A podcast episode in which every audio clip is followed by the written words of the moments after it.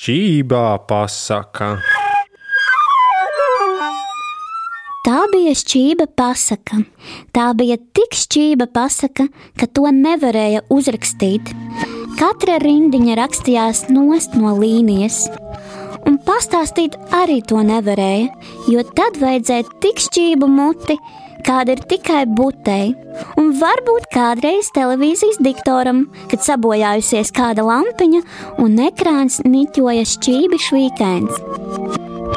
Kurpes arī nevarēja viņai nopirkt.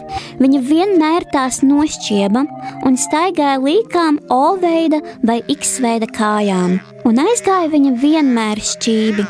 Gāja pa ceļu, iegāja grāvī, gāja ballē, dāmu dejā kādu lūgt, aizgāja šķībi un uzlūdza citu. Pāriest arī viņa nevarēja. Sēdēja pie galda šķībi un nevarēja trāpīt mutē, bet, ja arī trāpīja kādu ceptas vistas spārniņu mutē, tad atkal šķīvi.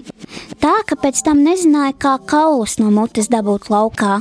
Vispār viņa bija tik šķība, ka gara nevarēja izaugt, apgāzās, un kad viņu apguldīja gultā, tad vienmēr vai nu kājas vai galva karājās par gultas malu.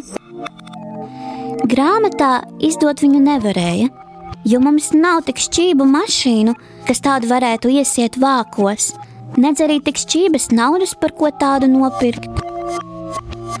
Es jums varētu šo pasaku pastāstīt, bet tā ir tik šķība, ka man nav tik šķības mutes.